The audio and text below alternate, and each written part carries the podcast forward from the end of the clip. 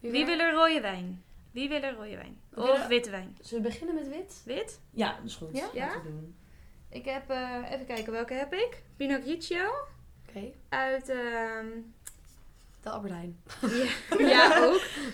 ik wilde zeggen volgens mij uit Kaapstad, maar dat is er- helemaal niet zo, volgens mij. Kaap de er niks Goede op? Hoop of zo. Cape Town. Jawel, Ja, ja, Zuid-Afrika. op de nek. Ja, ja, nice. op de nek. Oké, wie eerst? Ja. Kom maar gewoon hier hoor. En eh, moeten we het met rietjes drinken? Nee, hoeft niet. Ik heb jullie piemelrietjes gegeven Dankjewel, schat. voor, de, voor het thema van vandaag. Ja. Is dit genoeg? Ja, doen we wel een beetje meer. Hoppa.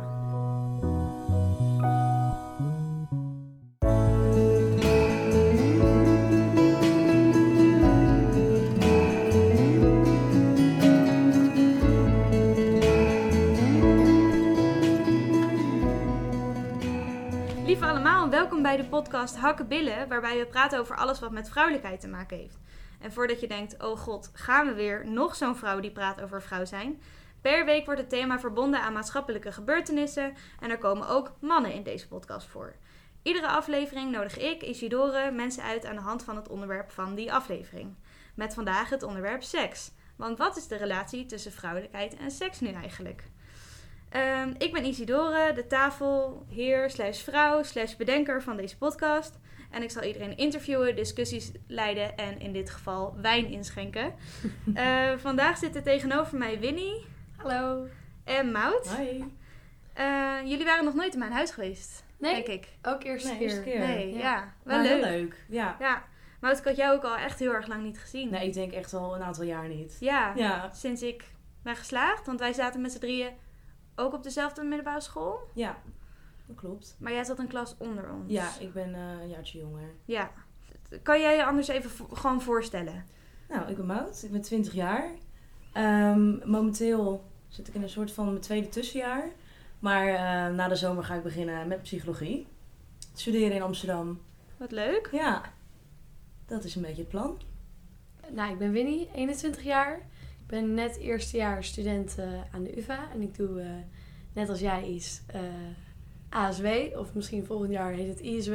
Algemene sociale wetenschappen. Exactly. Wat is ISW dan? Eh, interdisciplinaire sociale Oh, wetenschappen. Ja, er is een grote discussie gaande welke het moet worden. Oké. Ja. ja. Ehm, Eh, en ik vind het superleuk. Studie. gelukkig, Ja. gelukkig, ja. Wanneer hebben jullie voor het laatst seks gehad eigenlijk? Eh, voor mij is dat twee, twee weken geleden. Ja, twee, jij- twee weken geleden. Jij hebt geen relatie. Ik heb geen relatie, nee. Nee, ik eh, ben single en happy. ik moet ook heel even nadenken, want eh, het heeft altijd met die... Ja, eigenlijk zou ik gewoon inderdaad even in mijn agenda moeten kijken. Maar ik denk ook twee weken geleden voor het laatst. Heb jij wel een relatie? Nee. Goed dat je het zegt. Heb jij een relatie? Ja, ik heb ehm, nu bijna over oeh, drie weken, anderhalf jaar een relatie. Wat leuk. Ja, Hoe heet die ook alweer? Oh, ga ik dat zeggen in de podcast? Kan je eruit editen. ja. Hoor je het over tien jaar terug? Oh, Hij heet Julius.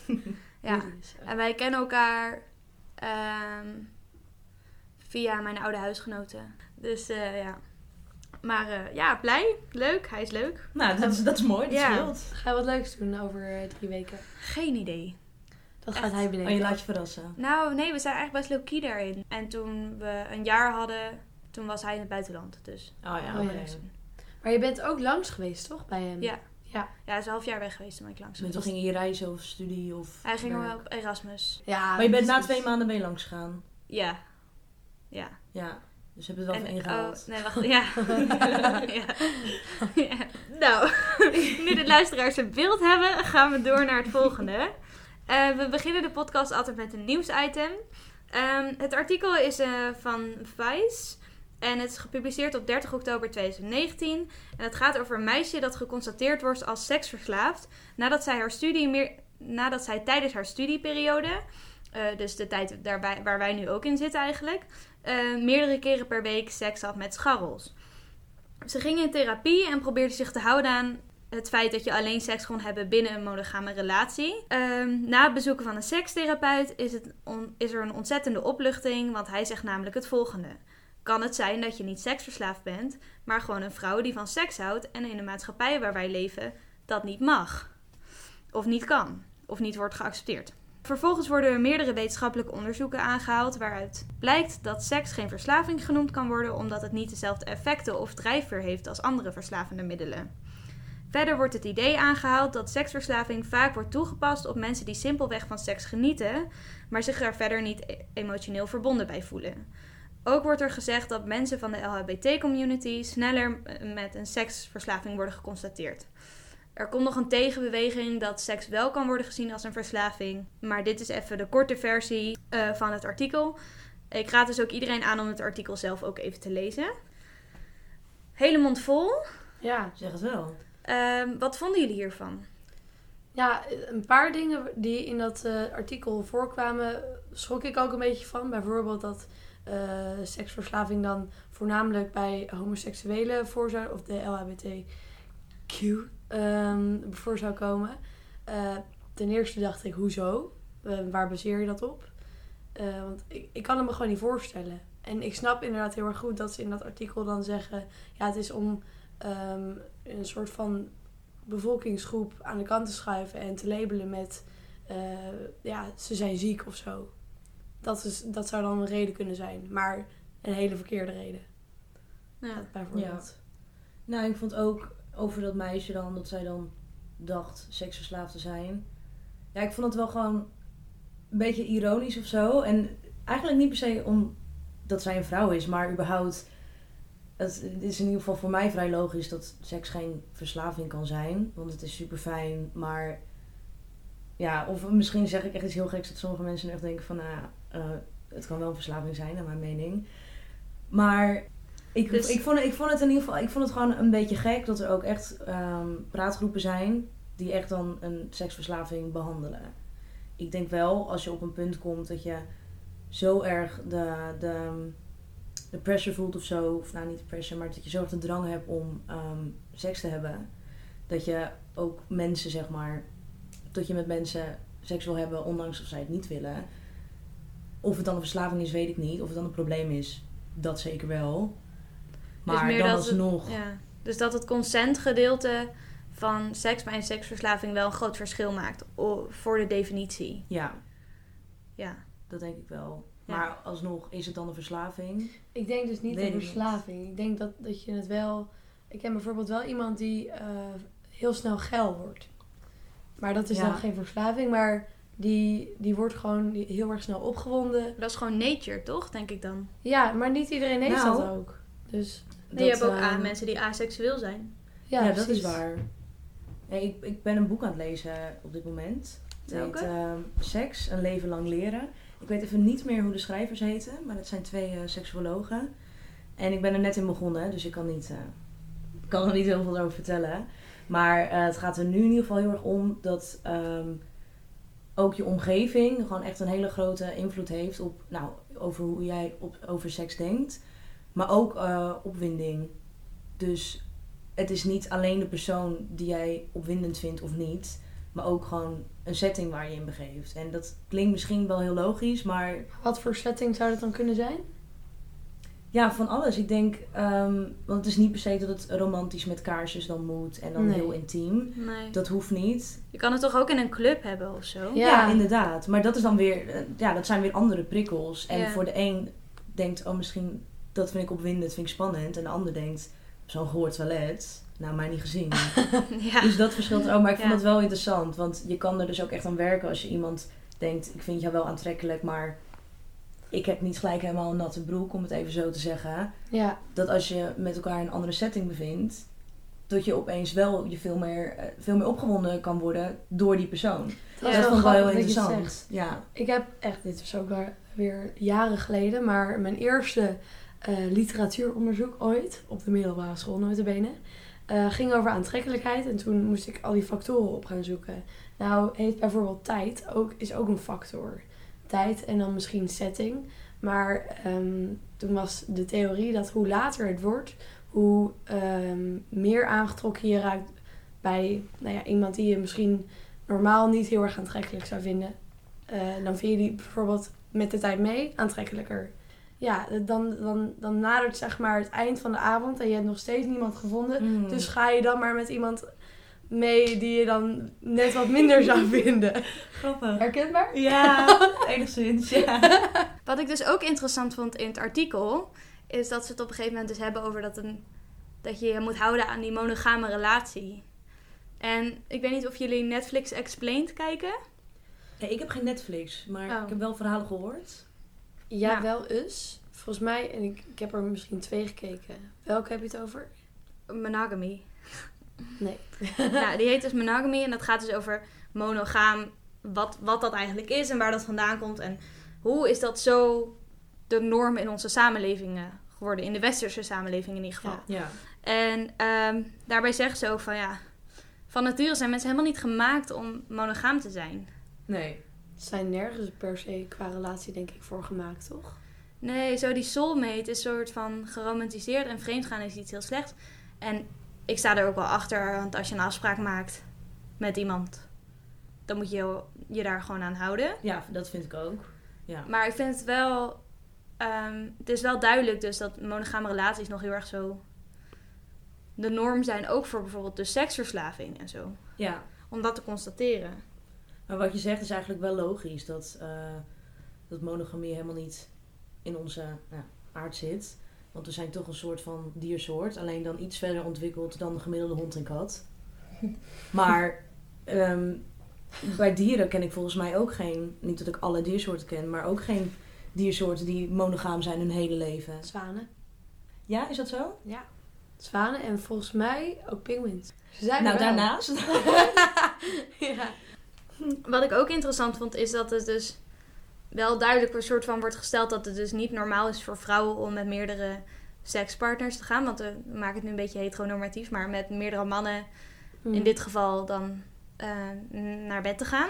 Hebben jullie daar zelf ervaring mee gehad bijvoorbeeld? Dat, Dat Nou, het niet normaal is dat je met meerdere mensen naar bed gaat in een... Ik merk soms wel... ehm, als beetje dat dan- slutshaming. Ja, als ik dan. Nou, als iemand vraagt, weet je, met hoeveel mensen ben je naar bed geweest? Ik ben daar op zich wel gewoon open over. Dat interesseert me ook niet zoveel. Ehm tot mensen daar dan soms een beetje van schrikken. Andere mensen zeggen van, nou, oké, prima. Is het onder de 100?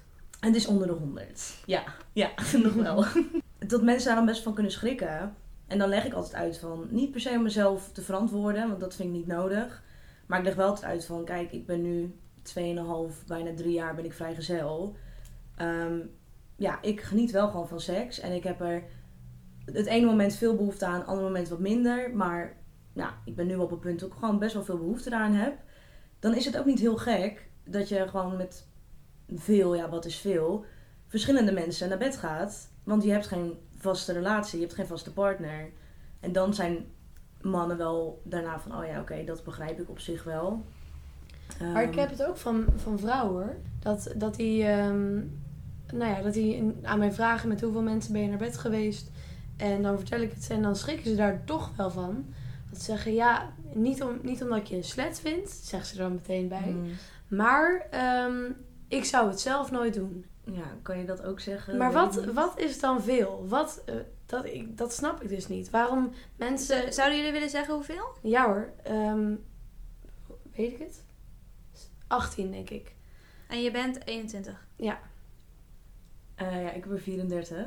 Dus dat is wel iets meer. En jij bent Ja. 22. Maar Ja. het is dus meer, maar ik weet dus niet of dat veel is. Ligt per situatie. En ik denk, het ligt er ook aan per persoon natuurlijk. Ja. De een die vindt bijvoorbeeld, die kan drie echt al heel veel vinden.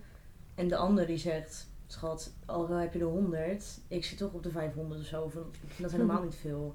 En het, het is ook maar een getal, want het is ook niet per se als je veel bedpartners hebt gehad dat je bijvoorbeeld goed in bed bent. Nee. Maar het is ook niet als je dan maar twee bedpartners hebt gehad, dat je dan eigenlijk nog niet echt weet wat je doet. En dat, die link merk ik dat mensen best wel snel leggen van het aantal. ehm, dat zegt ook iets over je prestaties. Maar ja. daar ben ik het niet mee eens. Nee. Niet per se in mijn eigen geval, maar andere gevallen van mensen. Dat dat echt niks hoeft te zeggen.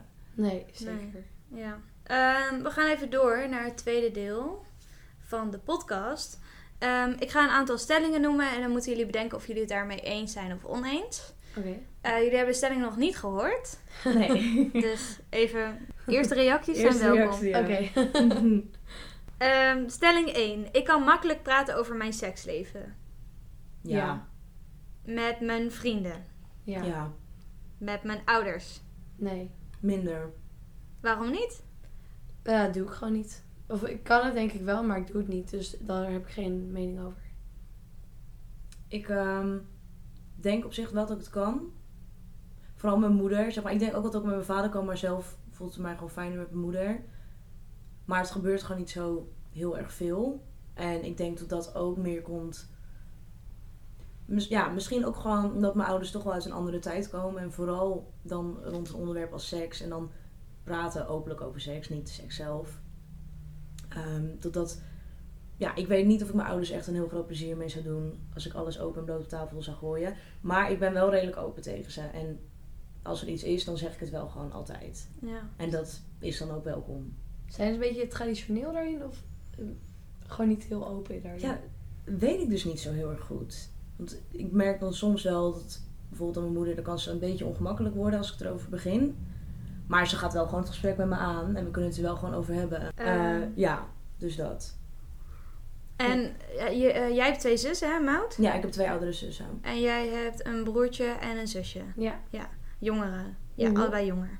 En praten jullie daarmee over seks? Zij komen wel vaak naar mij toe. Met Ehm, vragen. Hoe oud zijn zij? eh, mijn zusje is 17 en mijn broertje is net 20 geworden. Oké. En met jouw zussen? Eh, met mijn zussen wel steeds meer. Ik merk wel van mijn zussen, eh, van ons drie, ben ik gewoon het meest open daarover. Ehm, maar ik denk, dat hoort ook gewoon bij mij als persoon zijnde. En ik respecteer ook dat niet iedereen daar heel open over praat. Want ik zit denk ik weer in het andere extreem. Dat ik er misschien te vaak, te veel over praat. Ehm, maar ik kan het daar prima met hen over hebben. En dan, eh, dan doen zij ook gewoon hun verhaal. Dus dat is wel fijn dat die vertrouwensband er wel is. Ook over zo'n onderwerp. Dan gaan we door naar stelling 2.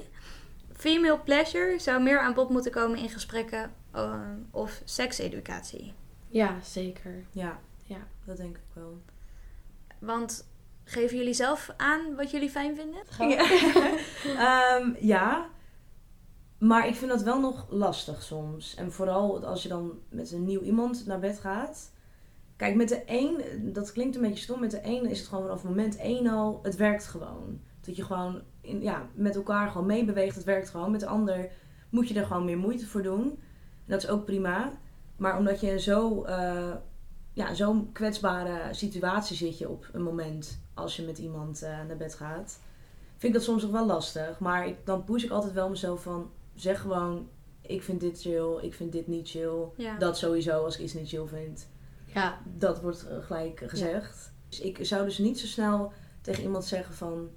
Oh, wil je me even beffen of zo? Dat is ook omdat ik gewoon een soort van aversie heb tegen dat woord. Maar ja, maar ik snap wel wat je bedoelt met dat je... Ik vind het ook soms nog wel lastig om te zeggen.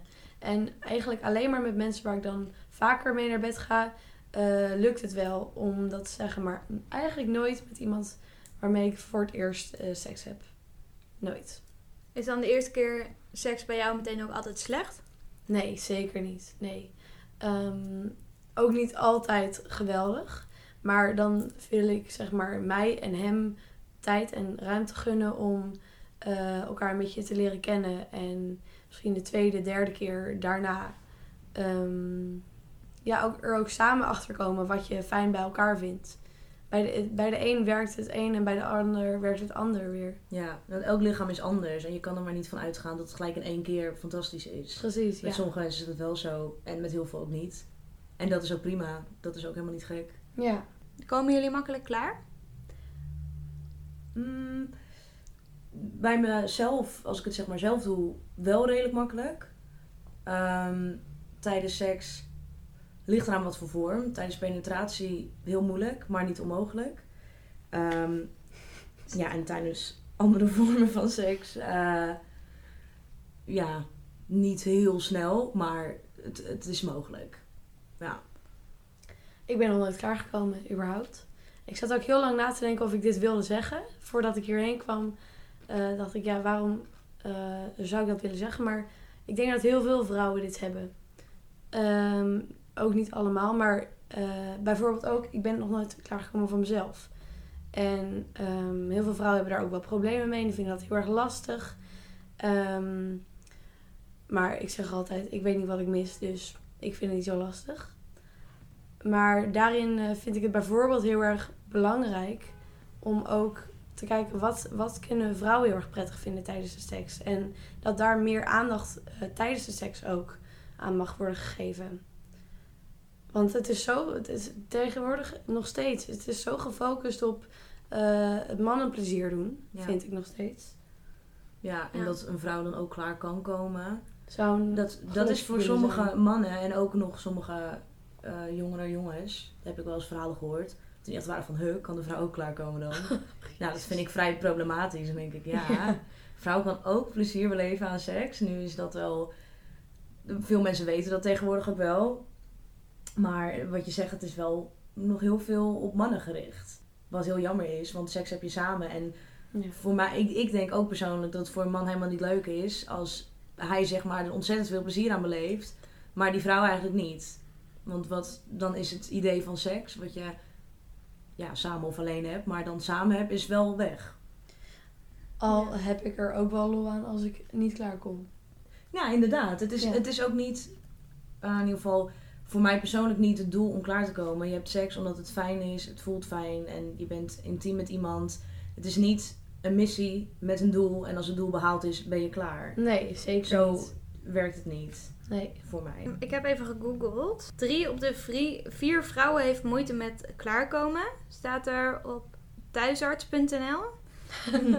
en de Volkskrant heeft een ehm, artikel gepubliceerd in 2017 al. Komt de helft van de vrouwen zelden of nooit klaar tijdens de seks. Ehm, en dat dus zelden of nooit klaarkomen tijdens de seks. Ehm, ik heb zelf eh, bij een presentatie gezeten ehm, van, van twee meisjes uit mijn klas van mijn studie. En die hadden allemaal statistics. Waarbij bleek dat 48% van de vrouwen of zo, zo zo'n getal komt, komt klaar tijdens de seks in een heteroseksuele relatie. eh, ten opzichte van 98% van de mannen. En ehm, in een, eh, bij een lesbische relatie of lesbische seks, eh, dus tussen twee vrouwen, is het ehm, echt Was het 10% niet ergens in de meer 80 of zo. Of zoiets. Ja, dus gewoon zeg maar wel veel meer. Want het is dus voor vrouwen oprecht dus wel moeilijker. Maar eh, het is dus een verschil van 10%. Maar is dat dan zo? Is het echt moeilijker voor een vrouw om klaar te komen dan voor een man?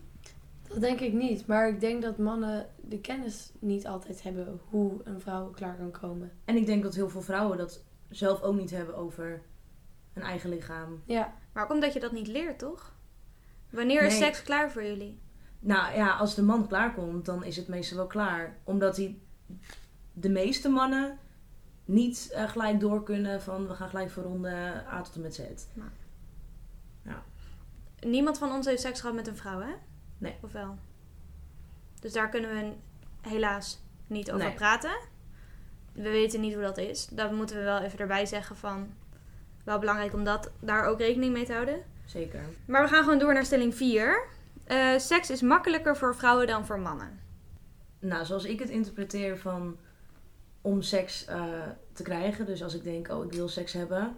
Dan denk ik zeker wel dat het voor een vrouw makkelijker is om iemand eh, in je bed te krijgen dan voor een man. Waarom? We, mm, ik weet niet precies. Omdat uiteindelijk, zeg maar, als, als iemand ja, met je mee naar huis wil, of jij, ja, als een man met jou mee naar huis wil, dan is het toch, denk ik, altijd de vrouw die wel bepaalt van wij gaan seks hebben of niet, in die end. hoop. En ik, nou, de man natuurlijk ook. Kijk, als ik, als ik op een man afstap, ik zeg, ga je mee naar huis? Hij zegt, nee, daar heb ik geen zin in. Ja, dan is het natuurlijk ook einde verhaal. Maar, en als ik nu even denk na, aan het uitgaansleven eh, Mhm. in particular. Dan denk ik dat het voor een vrouw echt wel een stuk makkelijker is. Je kan, Nou, dat is denk ik zo omdat vrouwen vaker worden gevraagd om mee naar huis te gaan met iemand. Vrouwen vragen niet per se heel snel aan mannen. eh hey, zullen we, zullen we er vandoor samen? Ik denk dat dat nog vaker gebeurt vanuit de man. Dat denk ik ook wel. Hoe, waarom denken jullie dat dat komt? Ehm, ik denk dat nog steeds dat dat te maken heeft met traditie. Dat mensen dat traditionele idee in hun hoofd En dat hebben. jagen en dat, eh, Ja. nou hoe zeg je dat, opgejaagd worden. Al, Jagers en verzamelaars. ja, ja. Tijdvak 1. nou, dat denk ik ook wel. Ik bedoel, als ik uitga, dan kan ik best wel een jager zijn. Als ik iets wil, dan ga ik er wel recht op af. Maar jij bent ook wel dominant, natuurlijk. Dat is waar, maar in, ehm, in een ja, seksuele relatie word ik liever over het algemeen wel gedomineerd. Maar dat is misschien meer omdat ik ook een hele dominante persoonlijkheid heb. Maar jij wil gedomineerd worden? Ja, maar Ja. niet altijd. Maar over het algemeen wil ik gedomineerd worden. Even Maar dat is denk ik dus om een beetje de persoonlijkheid van mezelf te compenseren. Ja? Ja, dat denk ik wel. Denk je dat... We doen even een refill hoor. Dankjewel. Denk je dat dominant of niet dominant zijn te maken heeft met vrouwelijkheid en mannelijkheid? Nee, totaal niet. Nee. Nee, zeker niet. Ehm, misschien in sommige groepen hoor. Maar als ik er zo over nadenk, eh, ben ik ook wel vrij direct en dominant in het eh, dagelijks leven. Terwijl ik inderdaad in bed ook liever eh, wat minder dominant ben. En nou ja, dat is. Ja, maar aan de andere kant merk ik wel, dat verschilt dus ook weer heel erg per persoon met wie ik ben. Want de een denk ik, ja, mishandel me en bij wijze van, niet letterlijk nemen. En bij de ander heb ik juist zin om echt ja, de touwtjes in handen te nemen. En het is juist leuk als je met één persoon verschillende, eh, dat een beetje kan afwisselen. ja, Maar ook, want eerst had ik altijd van, nee, ik wil, ik wil echt alleen gedomineerd worden. En zelf dat dominante, dat vind ik niks. maar bij wat voor mensen zou je dan liever dominanter, eh, de dominantere rol willen aannemen? Weet ik niet. Juist misschien hele dominante mensen. Dat je Ja? toch even wil laten zien van... Ja, ik pak je even aan of zo. En dat het dan een soort van spelletje wordt. Dat, dat vind ik altijd wel leuk. Ja, dat is wel leuk, ja. Als je er zo over nadenkt. Mm. Ideeën. Ja. Ideeën. Ideeën. Deels doen. Eh, we gaan door naar stelling 5. Seks heeft een duidelijke link met vrouwelijkheid. Ja, Waarom? Duidelijke? ik moet even over nadenken. Ja. Wat is de Ehm, link? Laat hem man het zo stellen. Wat is de link tussen vrouwelijkheid en seks? Nou, ik denk vaak eh, sowieso het begrip vrouwelijkheid. Daar komt bij mij heel snel ook het begrip sexy bij kijken. Gewoon een gewoon vrouw die ook ja, die gewoon een beetje seks of zo uitstraalt. In a good way. Dus in, in dat opzicht is dat wel heel erg aan elkaar gelinkt, ja. En zijn er Ja. bepaalde eigenschappen, vrouwelijke eigenschappen, Nou, ik denk dat tijdens seks of zo? Is dat... je bent natuurlijk helemaal bloot. Je bent eh, letterlijk eh, alles wat een vrouw is. Als je bloot bent. En misschien de meest pure vorm van een vrouw zijn. Dus ik denk dat het in die zin heel erg veel met vrouwelijkheid te maken heeft. Ja. Of het nou met een man is of, of dat het met een vrouw is. En als je kijkt bijvoorbeeld bij kunst of zo, zie je ook vaak dat portretten van naakte vrouwen zo de meest beroemde portretten Ja. zijn bijna. Ja. En dat is eigenlijk omdat vrouwen dus vanaf dag één een soort van al gelinkt worden aan seks en, en vruchtbaarheid. En, en dat idee van, oh, Ja, waarom Ja. het denk ik heel populair is, is seks zelfs. Dat is heel simpel. Mensen vinden dat interessant. ja, dus het Ehm, verkoopt goed. Ja. Zeker. Maar waarom nou inderdaad een vrouwelijk lichaam mooier blijkt te zijn, of blijkt te zijn, vaker mooier wordt gevonden dan een mannelijk lichaam? Nou, dat vraag ik me af. Maar ik, ik vind dat wel. Ik vind een vrouwenlichaam veel leuker om naar te kijken dan een mannenlichaam. Ja, Dat denk ik wel. ja dat heb ik ook. Ja. In het zwembad, wat doe je? Kijk je naar vrouwen of kijk je naar mannen? Ik Eigenlijk kijk, naar vrouwen. ik kijk ook naar vrouwen. Ja. ja, toch wel eerder vrouwen. Ja. Mhm. Ja, of er moet echt een of andere hunk langslopen, daar word je eng van. Daar wordt ook wel naar gekeken, maar ja. Ja. Ehm, we hebben nog een paar minuutjes. Ik heb wat onderwerpen opgeschreven. Birth control heb ik opgeschreven. Dat leek me nog wel leuk om even over, op in te gaan. Birth control. Mhm. ja. Ja. je hebt dus ja. Want ik zit zelf te denken. Hebben jullie bijvoorbeeld doen jullie het altijd met condoom? Want jullie hebben om nog nogmaals te benadrukken als jullie seks hebben met mannen dan Ja. Ja. altijd. Niet altijd. Nee. En, eh, maar eh, ik ben ook niet aan de pil. En ehm, Vind je dat dan niet eng? ja, soms. Maar eigenlijk pas eh, achteraf. En dat is heel stom, maar eh, op, in het moment zelf denk ik er dan niet meer aan. En ik denk dat dat best wel veel mensen die zijn dan zo eh, in het moment eh, dat ze niet eens meer willen, willen denken aan oh moet het met of moet het zonder. Maar dat ze het gewoon doen. Tenminste, dat heb ik. Merk jij dan vaker dat, zeg maar, ehm, als jij gewoon met een man naar bed gaat, of dan vaker de man is die initieert van, zullen we een condoom gebruiken? Of dat het vaker uit jou moet komen, Zeker. mits je een condoom gebruikt of wil gebruiken. Zeker vaker uit mij. Maar het zijn, Ja? ook wel, het zijn wel de leuke jongens die dan zeggen... ehm eh, hey, ben je aan de pil? Of eh, eh, hoe gaan we dit doen? Oké. Ja. ja. Dat is wel zo, vind ik. Vinden jullie, in hoeverre is het de man zijn verantwoordelijkheid en in hoeverre is het de vrouw zijn, ver- haar verantwoordelijkheid? Gelijk. Helemaal 50-50. Ja, Ja, dat is echt gelijk. Ja. Dat vind ik wel. En ja, ik vind het wel grappig, zeg maar, dat ehm, nou, mannen van in de twintig, of gewoon überhaupt denk ik Nederlandse mannen, er eigenlijk vrijwel altijd van uitgaan dat je wel een soort van anticonceptie slikt. Wat Slik jij anticonceptie? Ik heb een spiraaltje, ja. Welke? Dus eh de Mirena-spiraal. ik ook. Ja. Ja. En het werkt voor mij echt top. Ja. Ehm, maar ja, tot mannen daar eigenlijk wel van uitgaan. Maar ik moet ook zeggen dat ik er eigenlijk ook altijd wel van uitga bij eh, vrouwen. Nee, ondanks dat ik zeg maar nog nooit met vrouw naar bed ben gegaan. Maar dat jij dan zegt, ik, ik slik geen pil. Ik zit niet aan anticonceptie. Dat is Ja, Dat is opmerkelijk. voor mij dan denk ik van, oh oké. Maar Ja. natuurlijk is een keuze, prima. Maar dat is voor mij opmerkelijker dat iemand Ja. zegt, ik, ik slik de pil of Het ik is, heb een meer, spiraal. het is meer dat zeg maar, de keuze ehm, is voor mij nog niet heel erg aanwezig geweest. Oké. Eh, ja, ehm, ik zou inderdaad best naar een huisarts willen. Is toch een kleine stap. Eh, en die heb ik gewoon nog niet genomen. Die heb ik één keer genomen. Toen ben ik naar de, aan de pil gegaan voor drie weken. En ik was zo on- inconsequent dat ik dacht, nou, dit werkt dus niet voor mij. Nee. Nee, ik vind het ook echt niks voor jou, sorry. Nee. Maar jij vergeet dat gewoon. nou, hallo. Ja. Toch? ja, klopt. Nee, ja, maar nou, daarom... dat is gewoon zo. Jij wordt wel- wakker en dan denkt dan tijdens lunch opeens van, oh god. Ja, en ik word gewoon Ja. een beetje ook bang gemaakt door eh, de rest van anticonceptie. Behalve een condoom. Vind ik niet Maar zo er zijn zoveel opties. Ja, Ja. Wie, volgens Maar mij wat zijn is er van 16 opties of zo. Ja, De je hebt ook zo'n wat- prik en, en Ja. dingen. En zo'n En zo'n Nuvaring, chipje in je arm of denk- zo. Dat ja. zou ik zo'n dus nog prima vinden. Ja? Ja. Nee, dat Oh, lijkt dat mij dus me nou heel naar. Ja. Ja, maar ja. Maar dus- ja, ik heb een koper ding in mijn baarmoeder. Oh, dus je hebt dat- een koperspiraal. Nee, eh, hoe heet het? Ik heb een Mirena. Oh, die Mirena, wel oké. Ja. ja. Ik heb een, iets in mijn baarmoeder laten. Dat is natuurlijk eigenlijk veel enger. Is dat dan geen optie voor jou? Nee, dat vind ik dus het hele enge. Ik vind in mijn arm prima. Maar dit, dit zou zoveel meer... Het gaat voor mij echt om de pijn.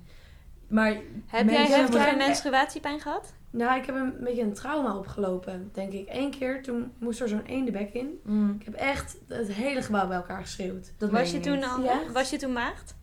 Nee, Oh, nee, hij moest erin omdat ik niet meer maagd was. oh ja.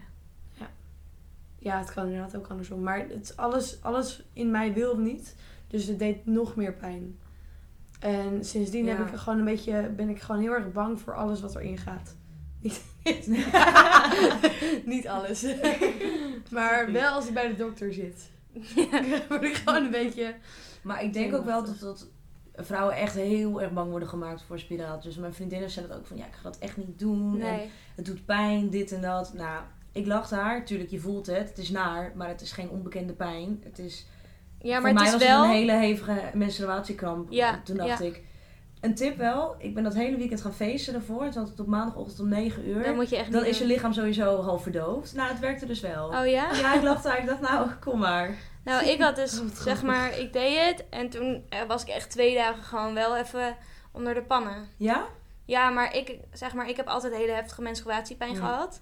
En dit was gewoon zoals heftige menstruatiepijn. Maar ik was al zo lang aan de pil dat, ik, dat het heel erg verminderd was. Of zo lang, ik was een jaar aan de pil of zo. Ja. Dus ik was het een beetje vergeten. Dus ik zag het wel aankomen. Maar je wordt gewoon zwak. Je lichaam is in de war, weet je. Ja. En ik denk ook dat we in Nederland dat niet seri- serieus nemen, menstruatiepijn. Heel veel vrouwen denken dat het, weet je, suck it up en we gaan door. Ja. Terwijl eh, vriendinnen van mij vallen flauw. En Ja, ik soms zelf ook door bloedverlies gewoon. Ja, en dan, Dus ja. dan met name mannen. Want nou, elke vrouw kan erover meepraten. vrijwel elke vrouw. Ja. Eh, ja, mannen beseffen dat dan niet. En Nee. dat je er heel veel, echt heel veel last van kan hebben. Ik Ja. heb dan zelf er gelukkig niet heel veel last van op dit moment. Nee. Maar inderdaad, ik hoor soms ook wel echt verhalen van vrouwen. Dat ik denk van nou, als je dat elke maand hebt, Ja. dan word je Ja. echt niet gelukkig van. En er worden ook gewoon heel veel grapjes over gemaakt. Ik, ehm, ik zit in, in, een, in een soort boxgroepje met alleen maar mannen. En mijn trainer is ook een man, echt mannelijke mannen. Zijn allemaal heel erg veel bezig met, eh, nou ja, alles wat met man te maken heeft. Nou ja. Heel grappig. Onwijs leuk mensen. Maar eh, er worden ook wel eens grapjes gemaakt over... eh, oh ja, nou ja, ze heeft weer vrouwenkwaaltjes en dat Mm. soort gedoe. Daarom is ze niet bij de training. En ik merk ook eigenlijk, omdat er zoveel mannen bij zijn... dat ik me dan inhoud. Zeg, nou, ehm, ik word er wel een beetje kwaad om... maar het wordt meer als grapje be- eh, behandeld dan als... ehm, hallo, dit is gewoon beledigend. Ja, want dan, juist omdat je dan met dat soort mannen bent, als jij dan daar boos of zo om zou worden, dat zij dan daar eigenlijk meer om zouden lachen van, oh, zie je wel, dit Ja. stereotype wordt nu weer bevestigd omdat je hier serieus op ingaat. Ja. Ja, precies. Nou, ja. dat is wel lastig inderdaad. Ja. Er is dus ook eh, onderzoek gedaan naar mannelijke anticonceptie. Eh, een vriendin van mij, eh, die kwam daarmee. Die vertelde dat. En die zei dat het dus dezelfde bijwerkingen had als de huidige pil voor vrouwen. Eh, maar dat dat dus als zulke heftige bijwerkingen werden ervaren door de mannen die het meededen of die testen of zo. Of nadat ze het getest hadden, dat het onderzoek is gestopt. Dat meen je. Ja, En Terwijl- welke bijwerkingen waren dat dan? ja, volgens mij dingen als heftige hoofdpijn, misselijkheid. Eigenlijk alles, alle bijwerkingen die de pil nu heeft. Ja. En dat Eh, was zo bizar. heftig dat een heel onderzoek is gestopt. Ja. Ik snap dat het onderzoek zelf is gestopt, maar ik snap niet dat het dan bijvoorbeeld niet wordt doorgezet om op de markt te laten komen. Kijk, het kan Ja. natuurlijk een ander effect hebben op mannen dan op vrouwen. Maar ik geloof niet dat mannen opeens migraine krijgen en dat vrouwen een beetje hoofdpijn krijgen.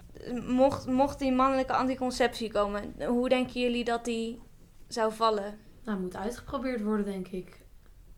Ja, ik denk, Ja. ik, dat weet ik nog niet. Maar, Maar zouden jullie dan willen dat mannen dat gingen gebruiken? ja, Ik zou het heel fijn vinden, maar aan de andere kant denk ik wel van...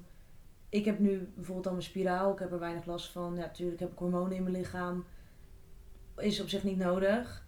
Eh, maar ik zou niet per se denken van, oh ja, dan stop ik nu met mijn anticonceptie. Maar ik snap wel dat heel veel vrouwen denken van, ik wil wel heel graag stoppen met mijn anticonceptie. En dat dit dan echt een perfecte oplossing is. Ja. ja, voor ons vrouwen wel. Maar ik denk dat het altijd een beetje van twee kanten moet komen. Ehm, het, is, het is niet dat er één iemand maar aan anticonceptie moet gaan, vind ik. Nee.